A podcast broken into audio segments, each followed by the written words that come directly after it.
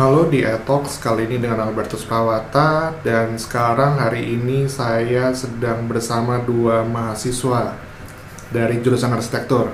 Namanya Satya dan Aurel. Bisa say hello dulu? Halo. Satya, Aurel? Halo.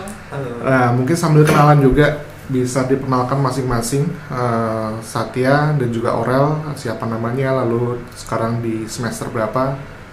Silakan halo, nama saya Satya. Jadi sekarang lagi kuliah di semester 3. semester 3 kalau eh, Aurel Halo, eh, nama saya Aurel. Saya sekarang jurusan arsitektur semester 5 di BINUS. Oke. Eh, kalian dari Jakarta atau Aku dari. Manado. Aurel dari Manado? Eh, Saya Satya dari Bali. dari Bali. Jadi Anda kuliah di Jakarta ini pertama kali hidup di Jakarta? Iya. Betul. Iya. Oke, good. Jadi anak daerah pendatang. Ya, oke, bagus, bagus, bagus, bagus. Jadi saya bisa merelasikan diri saya dulu ju- juga sama seperti kalian gitu ya.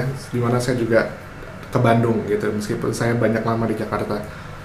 Eh, ini mau cerita cerita kali ini kaitannya dengan episode kali ini kita pengen tahu atau sebenarnya saya juga pengen tahu saya tuh bulan kenapa sih memilih Orel dan Satya di sini Orel dan Satya ini saya pilih untuk bincang-bincang kali ini karena mereka berdua saya anggap punya potensi dan juga menjadi mahasiswa yang berprestasi di jurusan arsitektur. Eh, kenapa? Saya belum pernah mengajar Orel dari semester 1 sampai semester 5 sekarang. Tapi Orel tuh selalu mendapatkan namanya PA Awards. PA Awards tuh perancangan arsitektur awards di BINUS. Jadi dia selalu mendapatkan yang namanya PA Awards dari semester 1 sampai semester 5. Betul ya Orel ya? Iya. Nah, Satya ini saya pernah ngajar di semester 2 ya, betul ya Satya? Betul. Di PA 2, eh, PA Awards-nya udah berapa kali Sat? Baru yang diumumin kan baru PA 1 tuh. Baru PA 1, Ah, PA 2-nya belum ya? Oke, iya nanti rahasia deh yang PA 2 nanti Iya. diumumin lebih lanjut. Nah, jadi mereka mereka mahasiswa yang, berprestasi dan eh, mungkin sebelumnya pengen tahu juga gitu ya, kenapa sih eh, mereka diundang atau bincang-bincang di Ethos kali ini supaya dari sisi pribadi saya melihat pengen mau tahu persepsi mahasiswa saat ini dalam memilih jurusan arsitektur itu kenapa. Lalu juga pengen tahu cita-citanya nanti ke depannya akan seperti apa dan ekspektasi ke depannya. Dan juga pengen melihat yang katanya generasi milenial ini bagaimana sih melihat pandangan di jurusan arsitektur jadi ini bisa menjadi masukan buat eh, kita semua rasanya bagi calon-calon mahasiswa jurusan arsitektur maupun juga eh, bagi rekan-rekan yang sepantaran saya yang mungkin nanti akan meng-hire eh, Aurel dan Satya seperti ini yang akan nanti eh, bekerja di eh, biro-biro konsultannya sehingga lebih mengetahui generasi-generasi yang baru ini.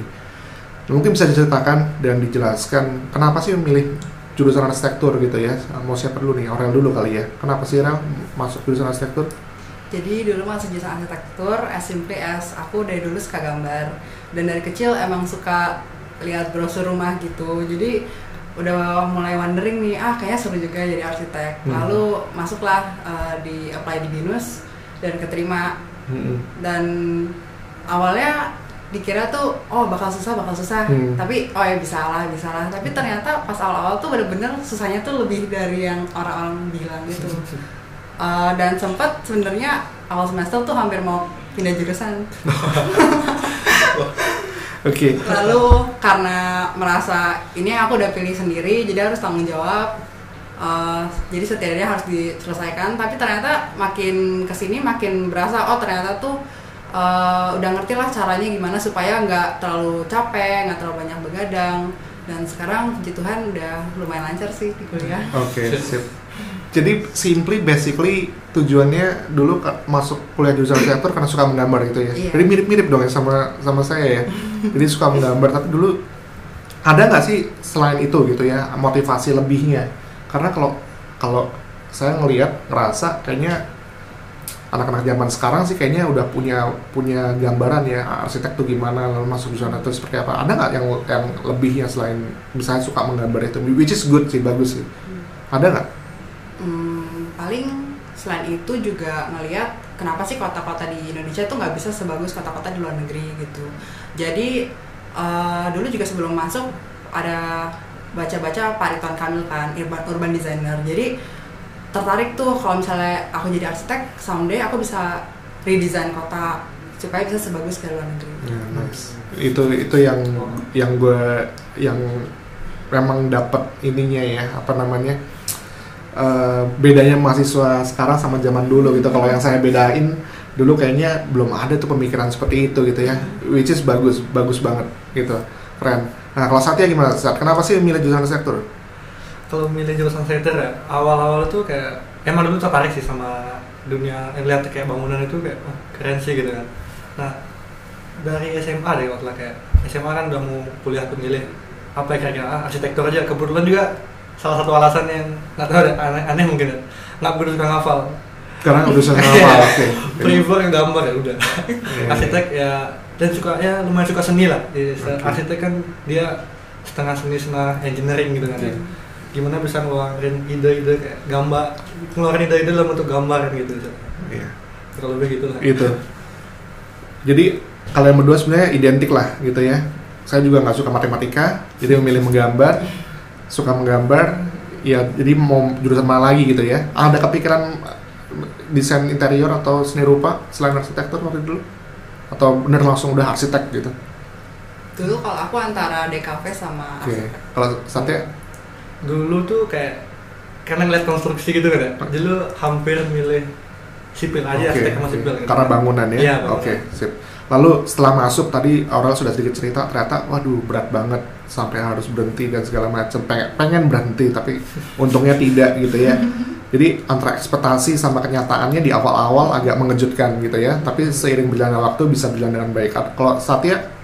Kalau dulu sih sebelum masuk tuh pas milih-milih kan dapat nanya juga. Kira-kira jurusan apa nih sama teman-teman lain lah teman-teman SMA dapat juga cerita-cerita juga kayak wah arsitek tuh berat tuh. Punya Hmm. tugas ya oh begadang nggak tidur lah dan sebe- dan lain sebagainya juga tapi ya kenyataannya nggak nggak nggak semua ada yang benar nggak semuanya benar lah gitu. Mungkin gimana mungkin banyak bilang kayak gimana kalian bagi waktunya gitu. Kalau akhir pekan akhir apa, akhir pekan mau jalan-jalan berarti ada konsekuensinya berapa harus diganti buat tugas lah gitu kan. Hmm, hmm. karena dia arsitek tuh kalau menurut saya kayak banyak lebih ke tugas-tugas pribadi yang harus ide-ide pribadi lah gitu kan arsitek Hmm, hmm. itu sih Jadi sebetulnya ekspektasinya sama kenyataannya Satya nggak terlalu kaget lah ya. Beda beda sama ya. Aurel gitu ya. Jadi oh ya emang udah udah tahu banyak tugas, banyak Iya. ada gambar-gambar dan segala macam ya. Iya. Oke good. Eh, tadi juga Aurel sudah menyampaikan seiring berjalannya waktu Aurel menikmati gitu ya. Eh, dan kira-kira kan masih semester 3 nih mungkin eh, Satya masih agak panjang Oral juga masih ada satu tahun setengah lagi ya kurang lebih ya. Eh, so far menikmati kan? Menikmati sih. Menikmati ya. Jangan gara-gara di depan dosen lo menikmati gitu ya. Nah kira-kira kalau yang bagian yang nggak menikmatinya di mana ya? Ada nggak?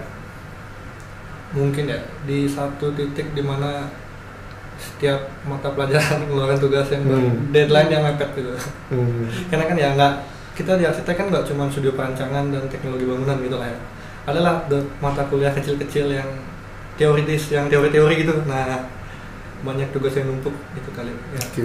Kalau Aurel?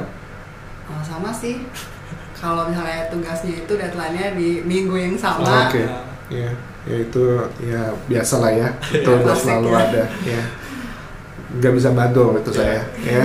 mas- Nah, kira-kira nih pasti ada dong kesulitannya kayak tadi Aurel udah menyata, udah menyampaikan kesulitannya sampai pengen berhenti. eh, mungkin Satya juga belum menceritakan. Kira-kira bisa lebih spesifik nggak sih kesulitannya itu apa? Kira-kira pada, pada saat eh, berkuliah di jurusan arsitektur, tantangan-tantangannya seperti apa? Lalu kira-kira bagaimana Aurel dan Satya mengovercome kesulitan tersebut? Mungkin Satya dulu kali ya. mungkin kalau kesulitan ya kalau dari studio perancangan lah ya salah satu aja Eh, misalnya kalau studio perancangan itu kan kita ada ada permasalahan yang harus diselesaikan dengan sebuah desain gitu kan. Nah kadang-kadang sebuah ide tuh nggak bisa kadang-kadang bisa nggak keluar gitu. Nah di situ mungkin agak susah. Kalau untuk masalah ide mungkin di situ mungkin kayak kita tuh kerja mungkin banyak arsitek tuh kerja itu bareng-bareng. Jadi kalau saya tuh sama teman-teman gitu saling sharing eh menurut lu gimana ya? Kayak gini bagus nggak sih? Kayak gini bagus nggak sih? Selain itu juga dengan lihat kayak pandangan teman-teman yang lain tuh kayak oh ternyata mereka mandangnya kayak gini ya mandangnya kayak gini oh kayak gue buatnya enak kayak gini kayak gitu jadi kalau bisa kalau menurut saya sih arsitek apa yang ngedesain tuh perlu pendapat orang lain jadi nggak bisa individual lah gitu Hmm. Jadi kurang lebih iya. kesulitannya itu ya pencari desain dalam merancang, tapi juga tantangan juga dan itu bisa jadi salah satu modal untuk bisa diskusi dengan teman untuk mencari solusi. Nah kalau oral nih mungkin perlu diketahui juga tadi udah sampai mau berhenti gitu ya. Kesulitan tantangannya seperti apa sih hara itu lalu bagaimana cara mengatasinya mungkin oral? Hmm, kalau misalnya sekarang sih kesulitannya kalau misalnya kita dapat desain ada problemnya kan pasti dan kalau kita analisis kadang-kadang saling berbentrok kan gitu jadi uh, uh, ada pihak yang ada yang bisa disenangkan dan bisa nggak disenangkan gitu jadi kadang-kadang untuk milih ini mana yang mau dikorbanin? Itu agak-agak mikir nih. Iya. Uh, selain itu juga untuk generate desainnya gimana sih supaya keluarin desain tuh yang nggak cuma fungsional tapi juga menarik kan? Itu memang brainstormnya lumayan lama dan capek dan kebanyakan tuh baru keluar pas udah menjelang deadline dan itu bikin capek banget. Hmm. itu sih capeknya. Ya kayak ini cerita klasik di mana pun kayak juga seperti itu ya. Jadi tapi dalam melakukan semua itu kan menurut itulah proses sebetulnya ya dalam satu dalam dalam proses dan eh, berproses itu memang tidak bisa langsung segera langsung dapat. Jadi kadang-kadang gagal, kadang-kadang ada tadi pihak yang nggak disenangkan dan segala macam dan seterusnya gitu ya. Yang membuat Oral dan Satya terus bisa keep keep going on gitu ya. Tadi selain ada pandangan dari teman-teman dan segala macam, ya ada nggak sih tips atau trik yang bisa di share gitu ya kalau misalnya dapat dapat hal-hal yang semacam tadi overcome-nya gimana kira-kira? Misalnya tadi oh udah diskusi dengan teman-teman eh ternyata dosennya ngomong A gitu. Hmm. lalu udah apa namanya udah mendekati deadline tapi belum ada hasil yang mau diasistensi atau mau dikerjain gitu. Nah itu ada strateginya nggak sih? Atau cara-cara khusus misalnya? Kalau dari aku yang tentang dosen itu kadang-kadang dosen kan ada yang nggak setuju sama desain kita ada misalnya kita udah ngikut dosen A terus dosen B yang ngeplanoin dan akhirnya beda kan. Kalau dari aku sendiri sih just be yourself aja. Desainnya uh, sesuai dengan apa yang menurut kamu benar aja. Dan eventually kalau misalnya kamu jadi punya garis desain sendiri dosen tetap akan ap- apresiasi sih. Yang Hmm. penting benar-benar dulu aja gitu. Oke. Satya? Mungkin kalau kalau misalnya mungkin hampir sama ya. Kalau masalah desain itu kan sebuah seni semua orang bisa lihat dari satu sudut pandang yang sama kan. Ya setiap dosen mungkin mungkin sama teman sendiri pun bakal beda pendapatnya gitu. Mungkin kalau masalah perbedaan pendapat tuh ya sama lah kayak be yourself kayak desain kalian ya desain kalian punya. Jadi kalian yang mengerti desain kalian kalian harus bisa merepresent apa mempresentasikan desain kalian dengan baik. Apa sih kelebihan desain kalian? Apa yang bisa membuat desain kalian menarik mungkin kayak gitu-gitu kalau masalah kayak deadline dan gitu-gitu nah itu emang ya gitu ya begitu adanya gitu kan ya nggak bisa dilawan Oke. gitu Dan saya mau garis bawahi di sini, emang yang disampaikan oleh uh, Aurel dan Satya memang benar. Tapi ini mungkin tolong di back di back di backup ya saya kalau emang ada yang hal yang mungkin bisa ditambahkan gitu ya. Yang anda sebutkan itu tentunya disampaikannya melalui produk betul ya. Ya, Iya. Produk itu kalau secara arsitektural produknya adalah gambar, maket, ya video dan seterusnya gitu kan ya. Berarti itunya tuh pun juga harus harus bisa menjual betul kan? Iya, setuju dengan dengan Iya. itu berarti ya artinya artinya kita nggak bisa menyampaikan itu dengan cuma sekedar wah presentasi ngomong dan segala macam lalu semua akan baik-baik saja gitu kan ya. Nah itu cuma cuma pembetulan buat buat lainnya yang mendengar jadi bahwa bahwa jangan jadi tukang obat lah intinya Iya. gitu ya. Oke. Oke, ini mungkin untuk Aurel ya pertanyaannya ini karena eh, sepengetahuan saya Aurel pernah melakukan apa namanya kegiatan workshop di Malaysia betul ya Aurel ya? Iya. Bisa diceritakan nggak latar belakangnya, lalu kenapa mengikuti kegiatan tersebut, lalu apa yang didapatkan dari eh, workshop tersebut? Ya, jadi waktu bulan sekitar bulan Juli ya, Juli benar Tahun ini ya? tahun ini. Oke, 2019. ah, aku ikut namanya Live Design Discourse yang di mana itu tuh kerjasama dari empat negara yaitu Indonesia, Malaysia, Singapura dan Thailand. Dan yang aku ikutin itu Live Design Discourse atau LDD yang di Kuala Lumpur.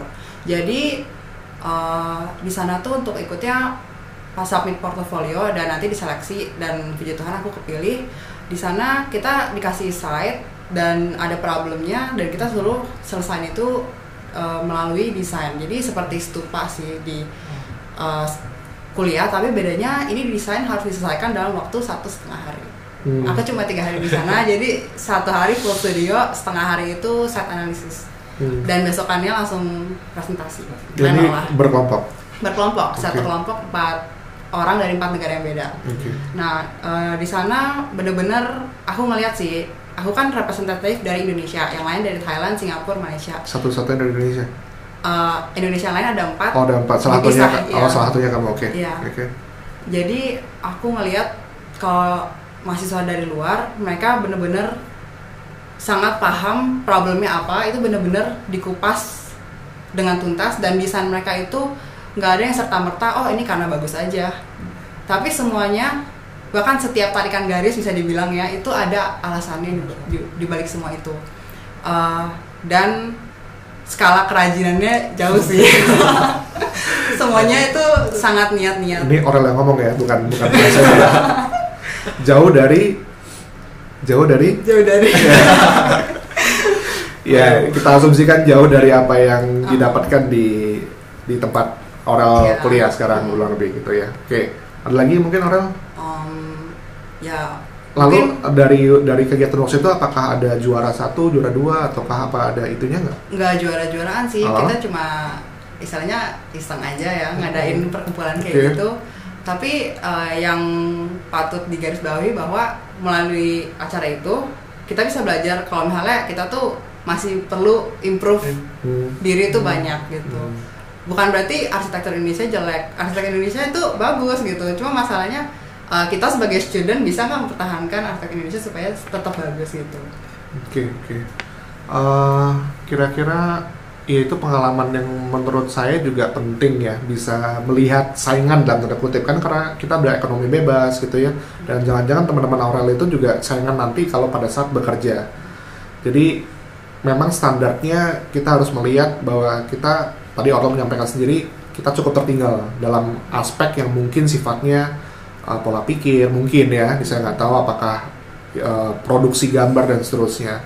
Jadi memang kita perlu melihat juga dan itu bisa menjadi garis bawah teman-teman uh, semua bahwa masih banyak PR yang harus kita kerjakan. Dan kegiatan-kegiatan seperti ini bukannya kita nggak bisa kok itu kita bisa mampu kok mengejar ke situ. Hanya memang butuh kemauan dan butuh keberanian untuk mau berubah pola kerja kita nah uh, ini mungkin juga bisa ada kesempatan saya kasih kesempatan nih mungkin buat Aurel sama buat uh, Satya. Kira-kira selama kuliah tiga semester Satya lalu Aurel udah lima semester. Ada kritik atau saran nggak sih untuk jurusan arsitektur gitu ya? Mungkin ya secara nggak langsung ya ke institusi binus ini gitu ya ke jurusan arsitektur uh, kita ini apa sih yang bisa kita develop kembangkan? Apa yang mungkin bisa menjadi uh, apa ya landasan untuk kita bisa lebih improve lebih baik lagi silakan mumpung mumpung bisa nih kali ini Em, kalau dari aku mungkin kita tuh kurang di teori yang ap- aplikatif gitu. Kita Hmm. kan selai- jadi kalau di arsitektur itu ada mata kuliah studio yang berarti kita langsung ngerjain tugas, ngerjain tugas. Ada yang mata kuliah cuma sit in di kelas kita dengerin lectures kayak biasa. Oke. Nah, menurut aku kadang-kadang tuh yang like apa yang kita dapat di lectures itu nggak semuanya tuh bisa apply ke studio. Aku ngelihat, tapi kalau luar negeri mereka itu paham banget teorinya dan mereka bisa apply itu ke dalam desain. Itu sih yang menurut aku uh, harus dikembangkan lagi lah. oke nice Satya apa ya kayak kayak kalau bilang tadi kalau orang bilang studionya ada- jelek apa gitu bisa Oh, aja enggak, enggak, kan? itu, itu enggak itu enggak. Terus studio sih itu tergantung kali. Tapi enggak juga sih kalau masalah studio. Aduh diserang. masalah studio enggak sih, mungkin misalnya kayak apa ya? Apa ya kayak masalah dari institusi kayak enggak. Tapi itu kayak tergantung orangnya juga sih kayak. Kalau masih masalah niat masih oke ya masih oke, cuman mungkin nggak tahu ya kalau mata kuliah teori ada mungkin kalau orang bilang kan belum dapet semua nih saya Iya, beda iya. semester mungkin ada teori yang nggak bisa di-apply gitu mungkin Hmm. ah itu bukan belum Oke, gitu gini. jadi so far so good lah ya So far so untuk good. untuk mungkin kayak lingkungan nih kali ya kayak lingkungan kayak mungkin ada yang males nih ah, ikut-ikutan tuh kayak Oh. personal ya tapi kayak Iya, personal iya, kalau iya. masalah niat gitu Iya. Oke, oke. Nah, eh, pertanyaan berikutnya nih ya. Nanti kan pun tentunya Satya dan Aurel punya planning lah ya. Ini beda sih. Kalau dulu zaman saya ya udah go with the flow gitu ya. Saya juga nggak tahu sih apakah kalian juga go with the flow. Tapi asumsi saya mahasiswa-mahasiswa sekarang atau anak-anak zaman sekarang nih beda banget lah gitu ya dari zaman saya. Pasti punya rencana ke depan. Masih tetap mau jadi arsitek? Masih. oh luar biasa. Ya. nah eh, ada rencana jadi masih masih menjadi arsitek terus eh, apakah ada pikiran ada punya studio sendiri punya entrepreneur apa gitu lebih selain dari itu ada nggak kalau rencana ke depan ya kalau Iya. punya studio sendiri sih kayak menarik tuh boleh sih kayak dapat kepikiran itu sih punya biro arsitek sendiri Hmm. gimana kita nge-handle kayak ngedesain itu menarik sih kalau dari kalau baru ini baru tiga semester berarti kan Oke. saya untuk arsitek masih ada kangen-kangen itu masih kayak Oke. masih penasaran cuman kayak emang perlu pengalaman yang masih jauh banget kalau kita lihat kalau masih dalam eh, apa pendidikan ini kan masih pengeluaran hidup pengeluaran hidup Yes. belum bisa terrealisasikan nah kayak Oke. menarik kalau bisa merealisasikan ide kita gitu baik Aurel gimana Aurel kira-kira? Eh, harapan ke depannya ya. Iya Eh, yang paling dekat sih magang, tapi kalau yang jauh tuh aku pengennya buka biro Hmm. yang kayak WOHA atau DP di mana mereka tuh sangat sustainable conscious. Di, Hmm. di Indonesia tuh masih kurang desain-desain yang dengan pendekatan sustainable, green area itu masih kurang banget. Karena setahu kalau di Singapura kan green, green plot areanya itu gede. Di Indonesia aja green plot area masih kecil kan. Nah, aku harapannya kalau misalnya aku bisa mewujudkan biro itu ke depannya Indonesia tuh lebih conscious lah terhadap green Oke, good. Ini harapan yang bagus banget. Jadi mungkin kalau dari saya terus dikembangkan, lalu di nanti setelah lulus uh, ada proses tahapan lebih lanjut karena uh, kita sekarang sudah punya undang-undang arsitek, ya. Uh, kita juga punya profesi uh, profesional uh, IAI.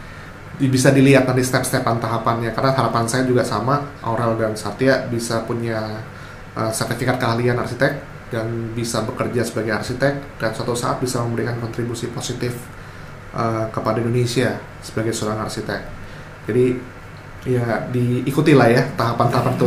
Saya tahu itu akan lama, itu akan berat, tapi kalau anda punya tujuan dan passion ke sana, rasanya akan menjadi enjoyable. Gitu. Ini kaitannya dengan PA Awards gitu ya. Bu- Keberatan nggak ngasih tahu IP IP-nya Aurel? Berapa Rel? Ah, 3,87 3,87 wow gila. 3,87 di jurusan arsitektur itu istilahnya dinosaurus langka. Ya kalau kamu berapa Sat? wah lebih kecil nih. Tiga semester dua nih tiga tujuh lima. Totalnya 3,75 3,75 luar biasa. Jadi ini dulu beda lah beda beda ya. Saya tuh dulu dapat tiga aja udah terima kasih ya syukur sujud. Ya anda salah eh, salah dua yang mendapatkan tiga dan tiganya tiga tiga gendut lagi ya. Baik mungkin masih ingat cerita saya so, terkait dengan teman saya namanya Tessa. Masih ingat kalau saya pernah cerita ke kamu Tessa ini oh mungkin orang enggak ya karena saya nggak pernah ngajar. Saya nggak tahu kamu Sa. Tessa ini juga teman saya sangkatan dulu di Bandung. Dia salah satu dia selalu legenda yang saya ceritakan selalu kepada anda. Eh, IPK-nya kayaknya hampir 4 gitu ya. Mirip-mirip lah sama seperti anda kayaknya. Satu mata kuliah itu kayak cuma satu yang dapat B lainnya A semua gitu ya. Dan dia selalu rajin PA-nya selalu A selalu dapat penghargaan aktif di himpunan. Saya tahu juga orang juga aktif rasanya. Satya ini nanti mungkin mau megang himpunan kan angkatan Iya, kamu iya. gitu ya. Eh, jadi menurut saya juga nggak ada alasan bahwa nggak aktif di luar kampus tidak bisa berprestasi. Buktinya kalian berdua nih contohnya gitu. Eh, bisa dikasih tahu nggak sih secretnya rahasianya? Gimana sih buat tugas dan segala macem? Gimana eh, apa ya eh, rahasia untuk bagi waktunya ngerjain tugasnya seperti apa gitu kan? 3,85 itu kan kayaknya nggak ada yang C gitu kayaknya. Ya kan? Eh, bisa hitungan jari gitu ya. Bisa di share nggak? Mungkin dari Aurel dulu aku punya prinsip larilah saat orang lain masih jalan, terbanglah saat orang lain sudah lari. Jadi supaya bisa balance nih mau organisasi mau IP tinggi demandnya banyak. Mau main-main juga. Iya mau main-main juga. Ya, itu penting, main-main, supaya ya. masih bisa jalan-jalan juga. Kalau saya soalnya bagian main-mainnya aja. Jadi uh, bekerjalah lebih banyak dan lebih cepat daripada orang lain. Uh, dan harus rajin sih memang harus rajin dan kalau misalnya jangan mudah tergoda sih kalau misalnya teman-teman ajak main tahu prioritas dulu oh tugas aku belum kelar nih gitu. Dan tahu kecepatan kerja kita misalnya teman-teman ada yang kerja cepat kita kerjanya lama jangan sama-samain dong. Kita harus tahu juga kita harus start lebih awal nih karena aku kerjanya lama gitu. Oke. Eh, Satya? Mungkin sama lah kali mungkin kayak eh, jadi sadar diri dulu kemampuan kalian tuh seberapa sih? Nah kalau emang kemampuan kalian tuh kurang maksudnya mungkin kayak saya nggak begitu bisa gambar lah gitu jadi harus kayak ah, bohong bohong Nah, maksudnya kayak permainannya jujur saya nggak bisa pakai warna-warna itu nggak Iya, bisa gitu. Kayak eh, tahu lah, tahu diri dulu. Jadi kayak tahu kapan harus bilang. Misal ada ya kayak kalau udah bilang mungkin kayak ada teman ngajak jalan harus tahu skala prioritas lah. Hmm. Yang mana harus didahuluin lebih dulu, yang mana bisa ditaruh belakangan. Selain itu juga kayak kalau bisa menurut saya sih ada temen yang bisa bukan bahasa bantu ya kayak temen sharing mungkin kalau saya kan anak, rantau juga kan harus ada orang yang bisa kita ajak komunikasi untuk bertukar pendapat, tukar pikiran dan sebagainya. Itu sih mungkin kayak lebih ke personal kali ya. Kalau masalah niat itu, nah itu lah lingkungan. Ya. jadi penting ya sebenarnya Iya, lingkungan itu ya. dan anda ini juga salah satu yang artinya kan mahasiswa rantau jauh dari keluarga betul ya Iya. dan dan bisa berprestasi seperti ini itu menurut saya satu effort yang yang luar biasa. Eh, ada perasaan karena memang jauh dari keluarga segala macam sehingga lebih fokus ke pekerjaan atau menggambar tugas segala macam atau memang eh, dulu sih kayak saya ngelihatnya duh kalau jauh ini pulang malam nggak ada yang ngecek gitu kan. Mau bohong juga gampang banget gitu kan istilahnya kan. Berarti lebih kesadar diri ya. Itu Iya, juga diri. jadi tahu tahu diri bahwa oh saya tugas belum selesai saya harus ada ini saya ini. Oke. Terjawab sih sebetulnya ya. Yang kebetulan bertolak belakang sama saya sebetulnya. Ya jadi eh, menarik eh, Aurel dan Satya terima kasih sudah bincang-bincang eh, kali ini eh, bersama saya. Saya sudah dapat gambaran yang cukup eh, besar cukup luas kaitannya dengan eh, mahasiswa jurusan arsitektur zaman now lah bisa dibilang gitu ya. Karena anda sama saya berbeda. Uh, dan saya bisa memastikan Anda memiliki potensi yang sangat baik sekali. Uh, karena Anda bisa berhasil dengan baik secara konsisten tentunya menjaga IP dengan baik. Meskipun IP itu kalau saya lihat juga tidak terlalu pengaruh dalam uh, dalam dunia praktek sih sebenarnya kita ngelihat portofolio karena lebih lihat ke sana gitu ya tapi Anda juga telah membuktikan itu melalui uh, PA Awards yang sudah Anda dapatkan. Artinya rancangan-rancangan Anda diakui tidak cuma oleh teman-teman tapi juga oleh dosen gitu ya. Karena anda berhasil mendapatkan awards tersebut dengan nilai tertinggi di di kelas anda. Ah, dan saya bisa menjamin juga Indonesia punya masa depan yang cukup baik karena ada anda sebagai generasi muda eh, nanti sebagai penerus saya serangga langsung mungkin gitu ya sebagai calon arsitek sebagai calon desainer atau apa pun nanti yang anda akan kerjakan saya rasa anda punya potensi untuk menjadi baik gitu. Uh, sekali lagi saya terima banyak terima kasih. Semoga perbincangan kali ini bisa memberikan manfaat kepada kalayak ramai teman-teman mahasiswa lainnya. Semoga bisa terinspirasi oleh Aurel dan juga Satya. Teman-teman yang mau masuk ke jurusan arsitektur juga punya gambaran garis besarnya seperti apa. Dan juga nanti biro-biro konsultan di luar sana, ini ada dua mahasiswa, silahkan dicek. Bisa dicek ke mana ya? Kamu kalau punya Facebook punya ini eh, Instagram sekarang Instagram main ya? Kalau Instagram di mana? Ada nggak? Ada yang nanti kalau ada yang mau tertarik ada yang mau hire kamu segala macam ngeceknya ke mana? Silakan bisa disampaikan. Aku instagramnya di it's Aurelia pakai o. Kalau aku, kalau saya sih nggak begitu aktif juga baru-baru kayak baru tertarik sih di Instagram di @satya underscore di Putra. tadi kalau Orel at it's Aurelia oh, oh pakai O ya Iya. Aurelia kalau Satya @satya underscore di Putra. at Satya underscore di Putra. di Putra. Oke, silakan nanti bisa dicari di sana. bisa kalau teman-teman yang mau minta tips and trick bisa juga langsung kontak. Terima kasih Aurel, terima kasih Satya, Terima kasih Pak. terima kasih sampai sampai jumpa lagi di lain kesempatan. Thank you.